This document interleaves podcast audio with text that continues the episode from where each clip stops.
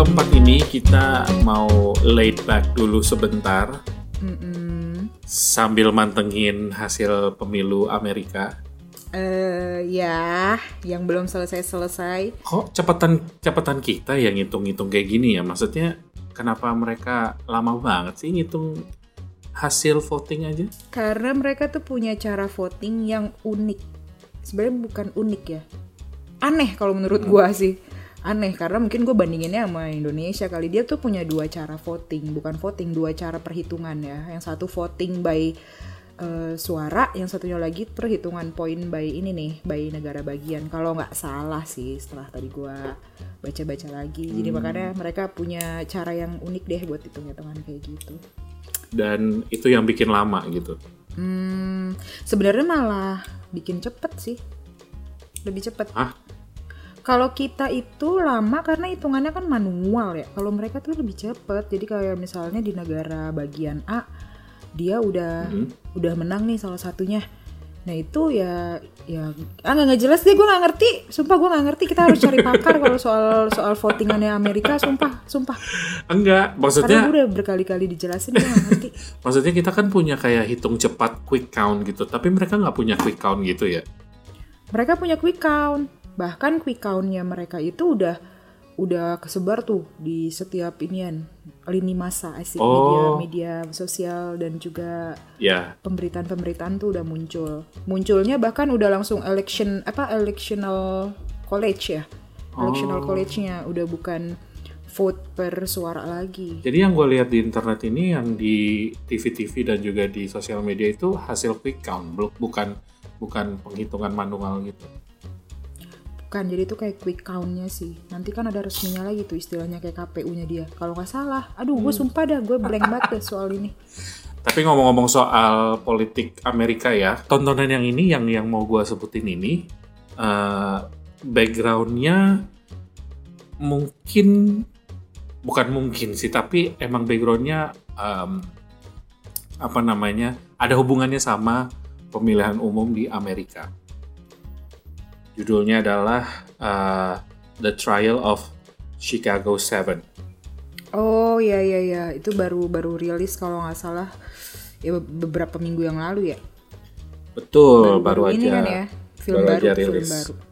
Semi dokumenter nggak sih? Bukan dokumenter ya, semi ya. bukan bukan dokumenter sih bukan semi dokumenter juga maksudnya uh, diangkat dari kisah nyata terus di dalam filmnya itu nanti ada footage footage Mm footage footage zaman zaman dulu gitu kan yang Iya. serupa sama kejadiannya sama adegan-adegan di film. uh, uh, footage yang beneran malahan jadi footage dari kejadian yang benar-benar terjadi di Amerika pada saat itu itu dimasukin juga ke film ditambah dengan ya tahu sendirilah kalau film kan pasti ada dramatisasinya kan Ya itu itu perlu. Mm-mm, dramatisasi biar seru ya kan Iya. Ini diperankan oleh Sacha Baron Cohen, Eddie Redmayne, terus Yahya Abdul Mateen II, Jeremy Strong, dan juga Mark Rylance. Plus si ini nih, siapa? Siapa? Pacarnya Summer di 50 Pacar gue, 500 Days of Summer. pacar gue. Pacar Anda kan nggak kayak gini bentuknya. Kayak gitu bentuknya. Joseph Gordon-Levitt. Eri Cesa Levitt. Halu. Halu Ganteng banget. banget. Gue seneng banget tuh sama aktingnya dia di situ walaupun dia jadi orang jahat ya. Sebenarnya nggak Iya. jahat sih. Mm-mm, Itu bukan kan jahat. tuntutan tuntutan perannya dia. Tuntutan pekerjaannya dia. Iya, tuntutan pekerjaan dia di peran itu. Gitu. Jadi dia sebagai orang yang merepresentasi- merepresentasikan pemerintah melawan eh, tujuh orang yang dianggap sebagai dalang kerusuhan ya kalau nggak salah ya. ya. Heeh, Da- dalam kerusuhan. dalam kerusuhan. Eh, demo lah, demo. Mm-mm, di yang demo yang terjadi berakhir di kerusuhan. Chicago. Chicago, Amerika Serikat. Yang waktu Yang- itu ad- lagi ada konferensi ya kalau nggak salah ya. Konferensi, Partai Konferensi. Demokrat. Mm-mm. Jadi di sana ada konferensi, mereka mau demo tapi dilarang. Terus akhirnya mereka eh, bikin aksi di taman dekat situ, tapi ujung-ujungnya ricuh. Mm-mm. Ini film yang seru ditonton sih karena relate juga sama kondisi Indonesia sekarang. Beberapa orang bilang kayak gitu karena di Indonesia sendiri kan sekarang kita tahu masih banyak penolakan soal undang-undang cipta kerja ya kan. Mm-mm, yang udah disahin ya sama presiden terhormat kita. Baru Betul kemarin sekali. diam dengan lagi-lagi dilakukan Ah. dengan diam-diam. Ah, Menjelang tengah malam loh ditandatanganinnya. iya, kucing-kucingan. Terus, Terus orang-orang jadinya tertarik untuk nonton film ini dan juga memang cara penceritaannya sih menurut gue bagus. Jadi bagus.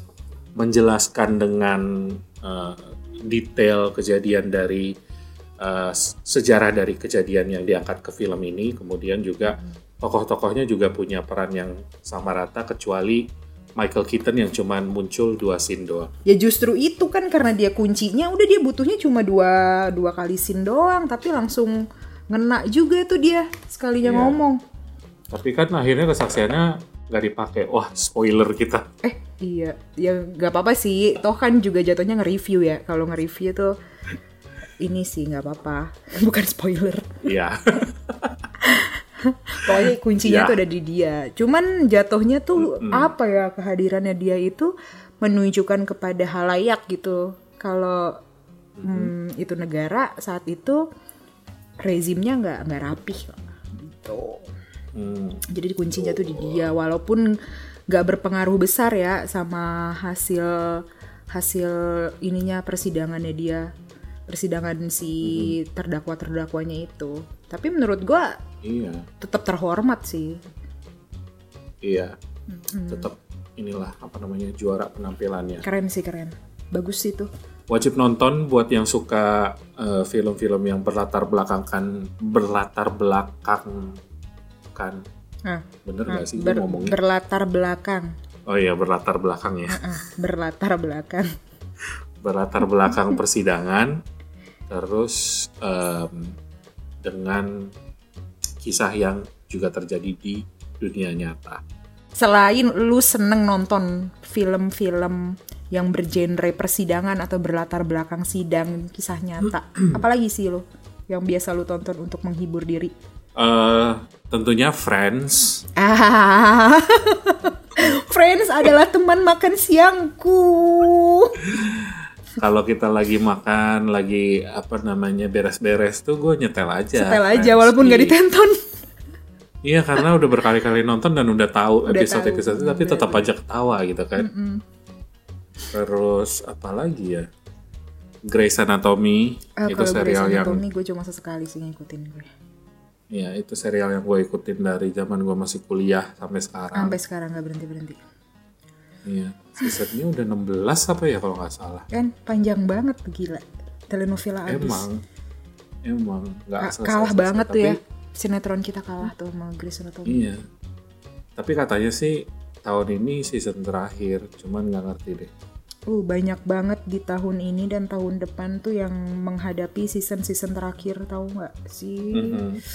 Gue sedih tahu ininya mengetahui hal itu.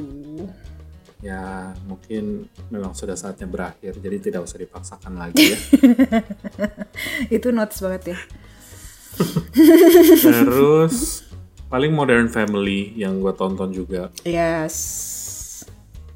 Modern Family. Kebanyakan komedi sih ya yang gue tonton. Yang ringan-ringan, bener-bener sangat mild.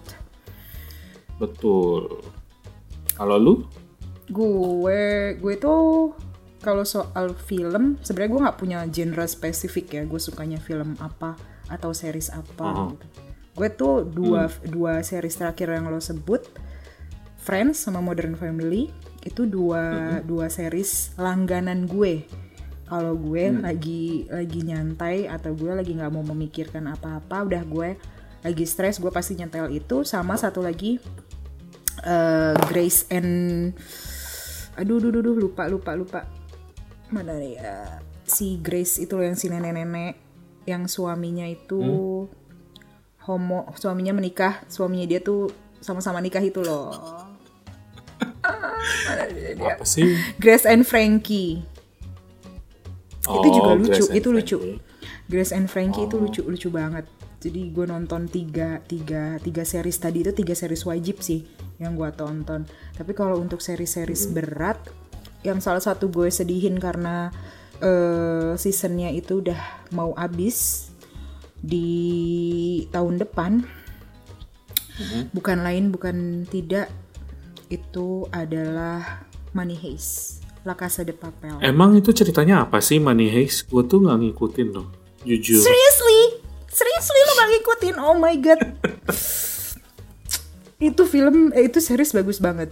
Ya makanya ceritain ke gue. Gue tahu series itu awalnya dari eh, cowoknya temen gue. Dia nyuruh gue untuk nonton. Lo nonton deh La Casa, La Casa de Papel. Saat itu tuh La Casa de Papel belum booming. Jadi dia masih series pertamanya gitulah, masih season pertamanya dia yang eh, nggak banyak orang tahu gitu. Jadi di Money Heist itu perkumpulan orang-orang yang eh, diambil dari beberapa beberapa wilayah lah. Tapi orang-orang ini punya background yang eh, kri- background kriminal. Jadi dikumpulin sama salah satu orang yang namanya profesor. Eh, awalnya tuh si profesor ini punya beberapa rules. Salah satunya adalah dengan tidak memberitahukan nama asli dari semua pemeran yang ada di situ gitu. Jadi si profesor nih ngasih nama masing-masing tuh dengan nama-nama kota yang ada di dunia. Salah satunya adalah Nairobi. I love that. That uh, apa namanya perannya dia tuh gua seneng banget kayak merepresentasikan diri gue. Terus udah gitu Oke. Kenapa si profesor ini dinamakan profesor? Karena dia tuh emang sejenius itu bar. Jadi dia merampok eh, bank di season per- di episode pertama itu dia ngerampok bank bank Spanyol. Dia ngerampok bank Spanyol. Dia tuh udah punya rancangan-rancangan untuk merampok bank Spanyol itu karena em, rancangannya itu sebenarnya lungsuran, lungsuran dari bapaknya dia, bapaknya dia yang udah meninggal. Akhirnya dia realisasiin lah eh, rancangan itu dengan berbagai macam cara sampai dan itu detail banget. Yang bikin gue mind blowing itu adalah gila bisa kepikiran ya dia bikin apa namanya bikin rencana itu sedetail sedetail itu sampai dia tahu titik-titik eh, titik-titik eh, tempat penyimpanan uangnya itu ada di mana. Karena di beberapa episode tuh ada yang emas juga kan di episode ketiga dan empat itu dia emas yang dia curi sama surat negara gitulah. Itu tuh penyimpanan uang dan emasnya bukan cuma di apa namanya di brankas biasa kan disimpan tuh di bawah tanah. Itu dengan kedalaman sekian sekian dalam deh gue nggak gue nggak nggak spesifik banget. Dan dia tuh tahu. Dia tahu kedalamannya berapa dia tahu gimana caranya untuk nembus sampai ke titik itu dan dia tahu gimana caranya menyelamatkan eh, uang-uang euro itu dari dalam tanah sampai ke lokasi markas mereka dengan menggali tanah sampai ke lokasi itu. Itu keren banget dan caranya dia untuk bikin si eh, apa detektifnya kepala detektifnya itu untuk berpikir terus menerus digocek mulu gitulah istilahnya. Itu tuh jago banget. Sampai pada akhirnya si profesor dan ketua detektifnya ini kepala detektifnya ini saling jatuh cinta. Aduh my god itu sih dramanya sih drama dramanya. Jadi menurut gue dramanya dapet komedinya dapet terus tegangnya juga dapet. Jadi gue gue suka Money Heist tuh karena semua genre menurut gue tuh ada di situ kecuali horor ya. Menurut gue sih kalau horornya tuh kayaknya nggak ada deh. Baru mau gue tanya. kalau horornya nggak ada. Terus gue tuh kemarin minggu lalu deh, apa dua minggu lalu gitu gue sempat baca salah satu artikel tuh yang bilang kalau Money Heist uh, season kelima tahun depan itu adalah season final. Itu gue sedih sih. Gue sedih.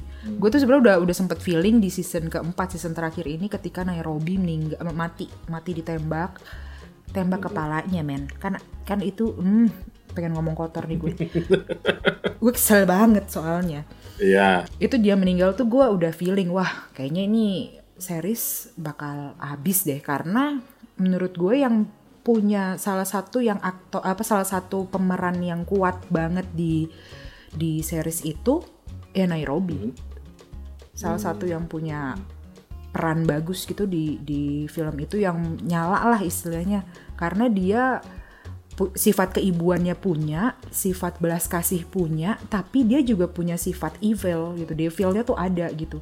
Semua semua karakternya dia tuh menurut gua kuat banget yang menghidupkan Heist selain si profesor yaitu Nairobi gitu. Kalau Tokyo atau yang Denver atau yang lain-lainnya ya mereka juga masing-masing punya peran yang kuat tapi nggak tahu kenapa gue ngerasa kalau udah Nairobi yang meninggal udah selesai aja nih film. Eh selesai aja nih series gitu. Bener aja dong tahun depan udah selesai. Gue sedih Berarti tahun depan selesai gitu ya dan ini tuh sebenarnya mereka kelompok ini baik apa penjahat sih sebenarnya ngerampok segala macam. hmm, sebenarnya tujuannya itu emang untuk memperkaya diri sendiri ya Oh, Oke, jadi, Jadi- bukan bukan kayak Robin Hood gitu ya. Baru gue mau bilang jadi istilahnya itu dia kayak Robin Hood juga dia memperkaya dirinya Oh, dia dan oke. memperkaya sekitar jadi kan dia itu di dalam bank itu mereka kan juga menyandra orang-orang yang ada di dalam bank ya.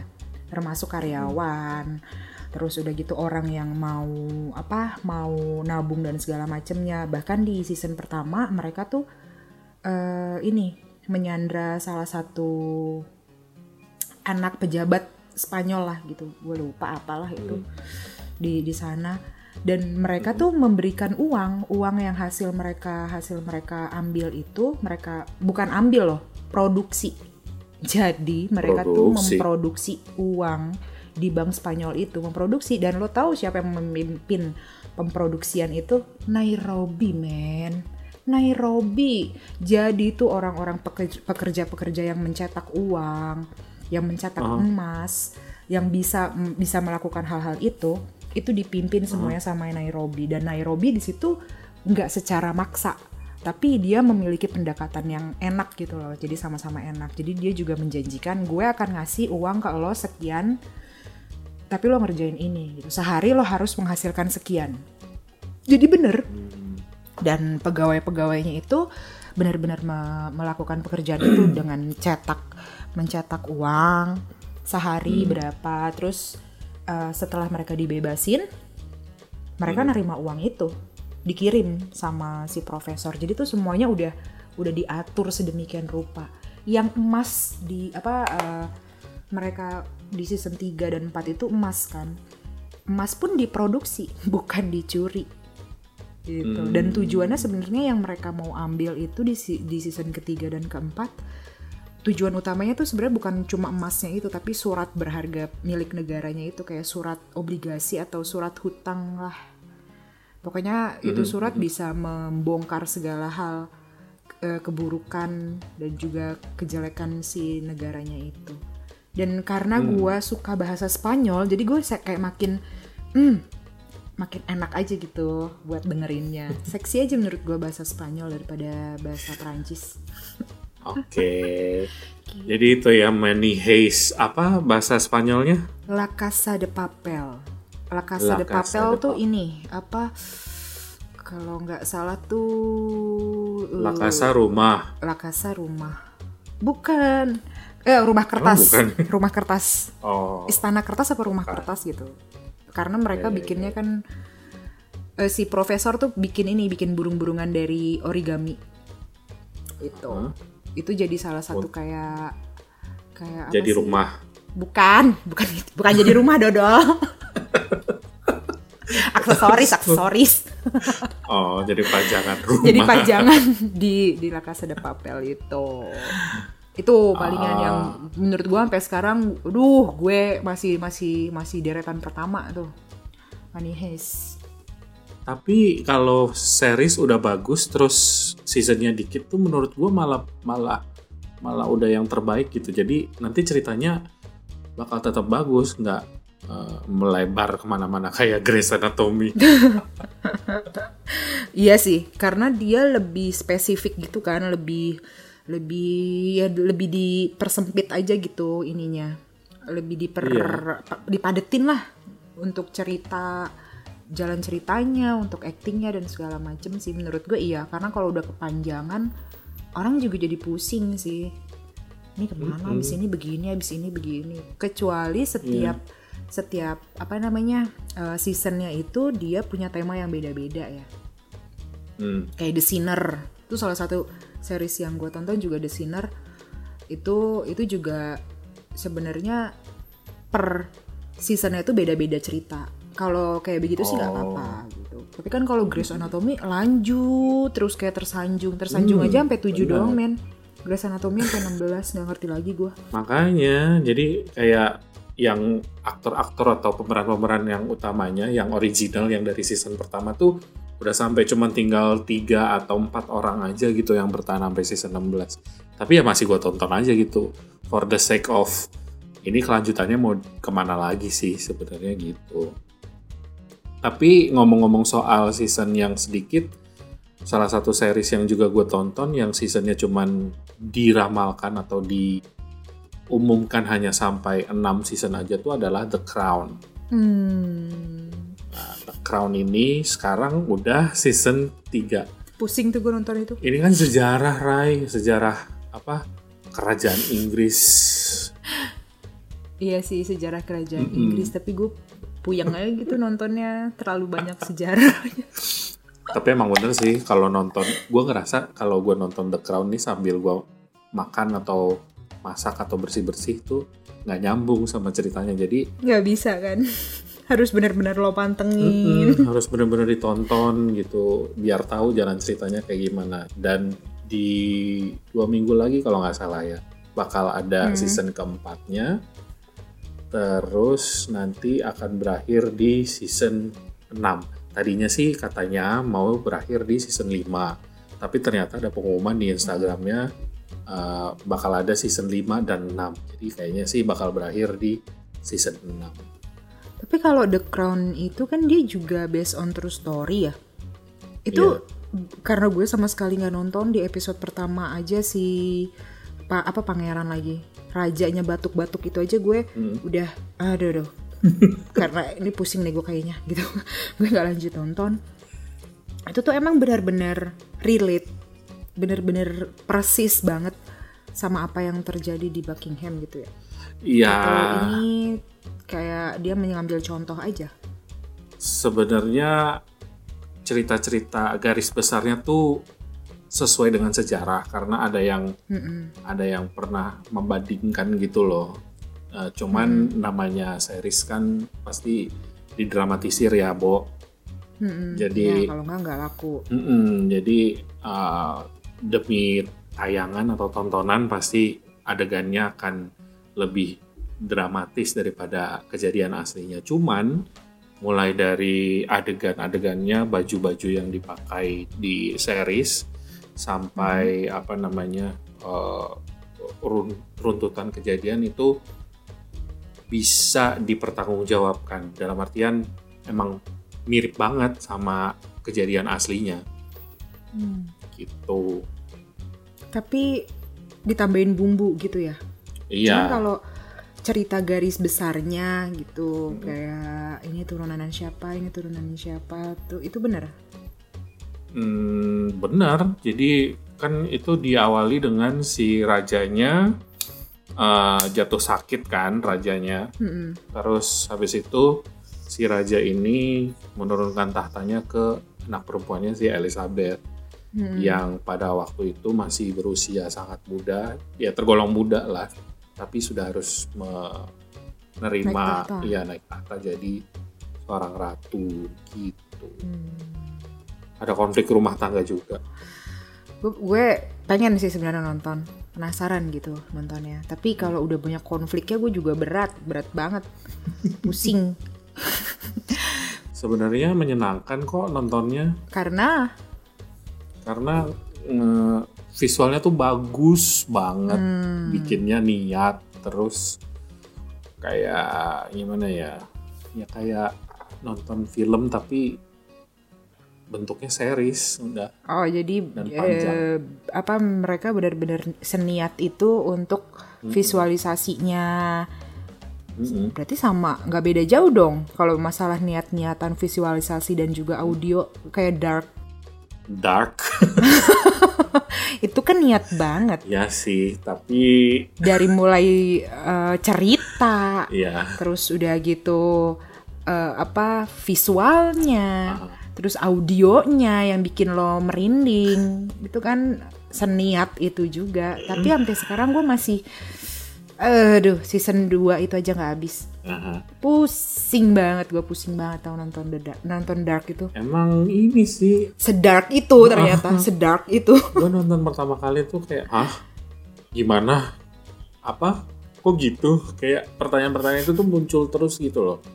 Tapi gimana ya orang-orang tuh pada suka. Tapi gue kayak kok ceritanya makin lama makin gak nyambung nih? Tapi yang terpenting yang paling gue suka dari series ini adalah castingnya sih. Dalam artian uh, orang-orang atau pemeran-pemerannya tuh bisa dapat yang mirip-mirip gitu loh. Antara mereka masih kecil, mereka udah dewasa, mereka pas remaja. Itu tuh castingnya oke menurut gua. Tapi ya itu tadi ceritanya. Bikin gue bingung. Gue baru selesai season 2 terus season 3 kayak antar aja deh. Males pikir. gue tuh salah satu eh, kenapa gue lebih seneng kalau untuk series-series yang berbobot gitu ya. Gue lebih seneng series-series Eropa sih. Kalau untuk yang receh-receh gue seneng seriesnya Amerika karena dia enteng banget gitu. Tapi kalau udah series yang berbobot banget yang bener-bener lo eh, ceritanya bagus lo mau ngikutin ya gue sih series-series Eropa. Tadi kita udah nyebutin beberapa series nih kayak lo Crown itu kan Eropa punya kan UK Dark itu Jerman punya. Terus tadi gue sempet Heist La Casa de Papel itu Spanyol punya ya kan?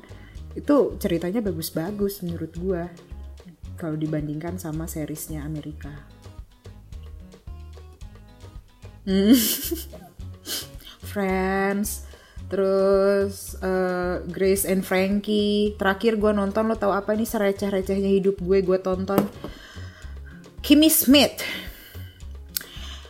itu itu ya ampun gue berasa nonton Dora. Mm-mm, karena mungkin emang Amerika tuh jagonya bikin sitkom kali ya.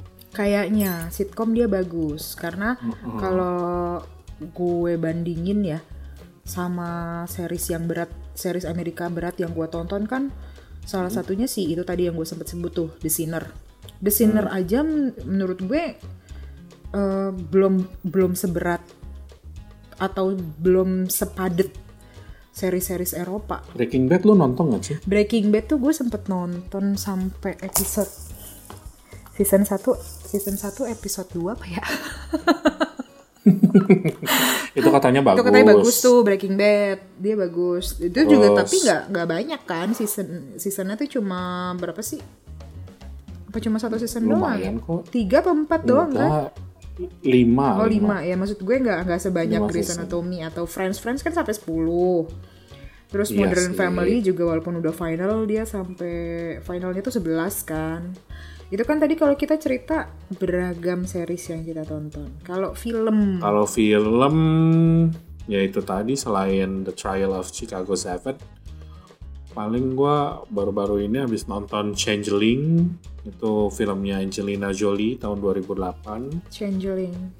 terus film yang juga menarik lainnya yang juga bertemakan persidangan adalah North Country itu North Country. filmnya Charlize Theron. Jadi Changeling dan North Country adalah dua film yang menceritakan soal perempuan yang memperjuangkan uh, hak-hak mereka, nasib mereka di persidangan dan akhirnya menang. Uh, Diangkat dari kisah nyata juga pula. bagus dong berarti gue nonton itu. Hmm, bagus, silakan aja nonton. Apa tadi North North Changing. North Country, Oh North Country kalau yang satunya lagi Challenging. Changeling. Eh Changeling.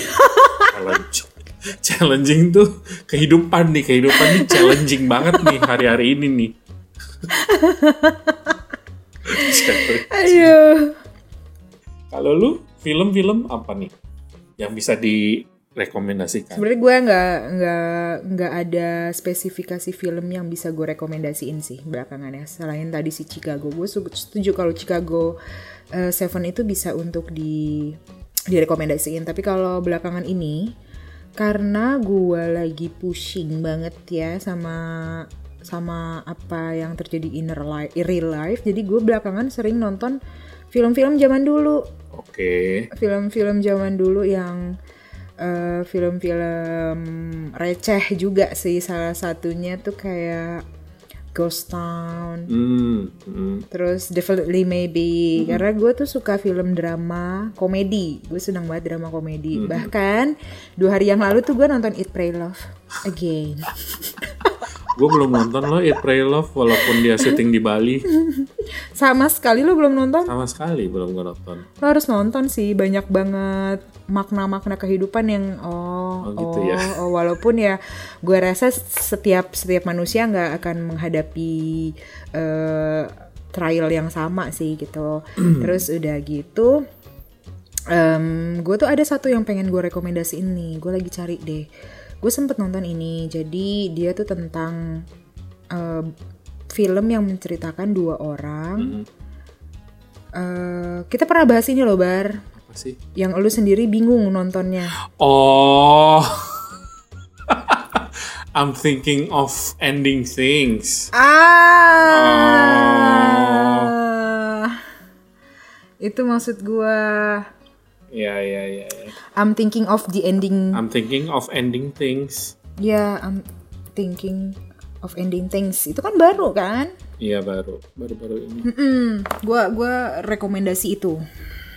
Ya walaupun eh, ceritanya rada bingung ya. Jadi ternyata aktor utamanya itu di sini adalah yang laki-laki. Hmm, lo pernah nonton She nggak sih sebelumnya? She. Ha-ha. yang dia itu punya punya kekasih bayangan, hayalan, ternyata kekasihnya virtual itu loh. Her kali. Oh iya kok she her maksud gua. she her, she her, he him. Terus, Terus dan menurut gue nih agak-agak mirip, cuman si I'm thinking of ending things ini lebih lebih horor aja sih, lebih dibuat lebih spooky aja gitu. Tapi banyak banget Iya. maknanya. Kan di di situ kan diceritain si perempuan ini berganti-ganti nama kan, ada berapa banyak nama. Ternyata itu emang bayangannya si cowoknya ini, bayangannya si Jack.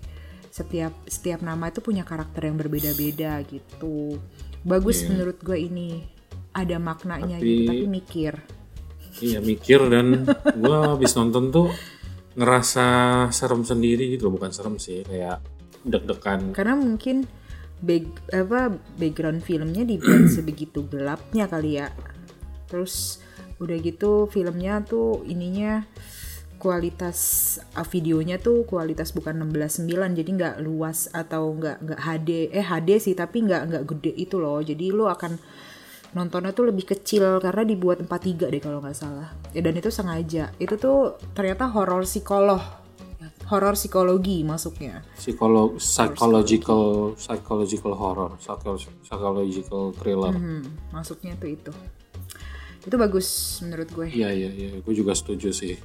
Tipsnya adalah setelah uh, lo setel film itu ya udah lo tonton aja sampai habis gitu, nggak usah banyak tanya. Ya nggak usah banyak. Ini apa kok begini kok begini nggak usah dah, nggak usah. Habis selesai nonton, lo cari referen apa? Referensi. lo cari diskusi-diskusi di internet gitu, review-reviewnya yang mengandung spoiler, biar lu paham maksud Jadi lu dari ngerti itu bukan karena lu apa. tonton, ngerti karena karena lo baca review orang aja. Ya, jadi bikin orang nggak malas baca kan, bagus ini. ya film. bagus. Tapi nanti setelah lu baca artikelnya baru lu mikir, oh tadi begini, oh tadi begini. Atau atau saran gua sebelum lu nonton se- eh, satu film ataupun series lu cari dulu deh reviewnya abis lu cari reviewnya baru lu tonton Bener. jadi buat Iya, orang-orang yang pecinta bukan pecinta ya eh, benci banget sama spoiler nggak usah benci-benci banget lah lu sama spoiler karena iya. eh, kalau lu udah nonton satu film atau series terus lu nggak ngerti ujung-ujungnya lu juga cari tuh inian pendapat orang lain gitu Bener banget. Dan gue bukan juga bukan orang yang benci banget sama spoiler karena kalau ketika gue diceritain nih, kayak misalnya gue nonton You, series You, Aha. Itu kan gue nonton lambat banget kan, kayak malas-malasan nonton gitu. Tapi gue tanya ke teman gue, ini akhirnya si ini mati ya? Iya dia mati. Oh matinya dibunuh sama si ini ya? Iya dibunuh sama ini. Lah, lu udah nonton belum sih bar? "Eh, belum. Lah kok lu nanya-nanya eh, ceritanya sih? Spoiler dong. Ya nggak apa-apa kan, gue tetap harus nonton juga Iya. supaya tahu adegannya kayak gimana. tapi gue udah mempersiapkan diri gitu At least gue udah tahu nih. eh, gue sih anaknya penasarannya tuh nggak nggak penasaran banget banget ya. Jadi gue kalau udah di spoilerin sama orang, gue nggak akan marah sama orang itu. Gue malah seneng. Jadi kayak lu ngasih tahu aja dulu sama gue, kisi-kisinya tuh akan kayak gimana. Jadi ketika gue nonton, oh gue ngerti ini kayak begini-gini. You itu juga salah satu series horor psikologi juga kan ya dia. Psikopat psikopat juga kan kalau itu kan. Hmm, dan itu Lebih ke psycho. orang gila isinya dia punya punya apa punya eh, komitmen kalau gue nggak dapet lo juga nggak dapet Iya. men jadi udah matiin aja semua benar dia pun juga gitu aja semuanya. itu bagus juga tuh Yu. Oke, kita udah ngobrol banyak panjang lebar ngumpuk-ngumpuk akun Netflix kita masing-masing. iya sebenarnya banyak banget sih Netflix di Netflix tuh yang bagus-bagus Riverdale bagus terus Hmm. ada beberapa series lain juga kayak eh, Peaky Blinders tuh juga bagus banyak banget Iya. tau yang ini cuman lagi dan lagi ya lu lo lo sukanya genre apa kalau gue sama Hmm. Akbar kita kem- agak punya kemiripan yaitu kita suka genre yang enteng Hmm. itu bisa dilihat dari kegilaan kita dengan Friends dan Modern Family gitu. Jadi kalau Iya, buat lulu semua yang nggak sependapat sama kita atau lo juga mau atau apa malah jadi menggugah selera kalian untuk nonton Friends atau Modern Family ya bagus gitu. Tapi jangan jadi mengunderestimate kita nggak suka film-film atau series ber- berkualitas lainnya ya. Kita pun juga nggak nggak mau bilang film atau series lain nggak berkualitas. Gitu. Tapi ini apa yang kita suka atau kita sering Betul. nontonin. Syukur-syukur kalau lu juga terinspirasi jadi pengen nonton apa yang kita omongin tadi. Kalau enggak juga nggak masalah. nggak masalah coy Ya wes kalau begitu.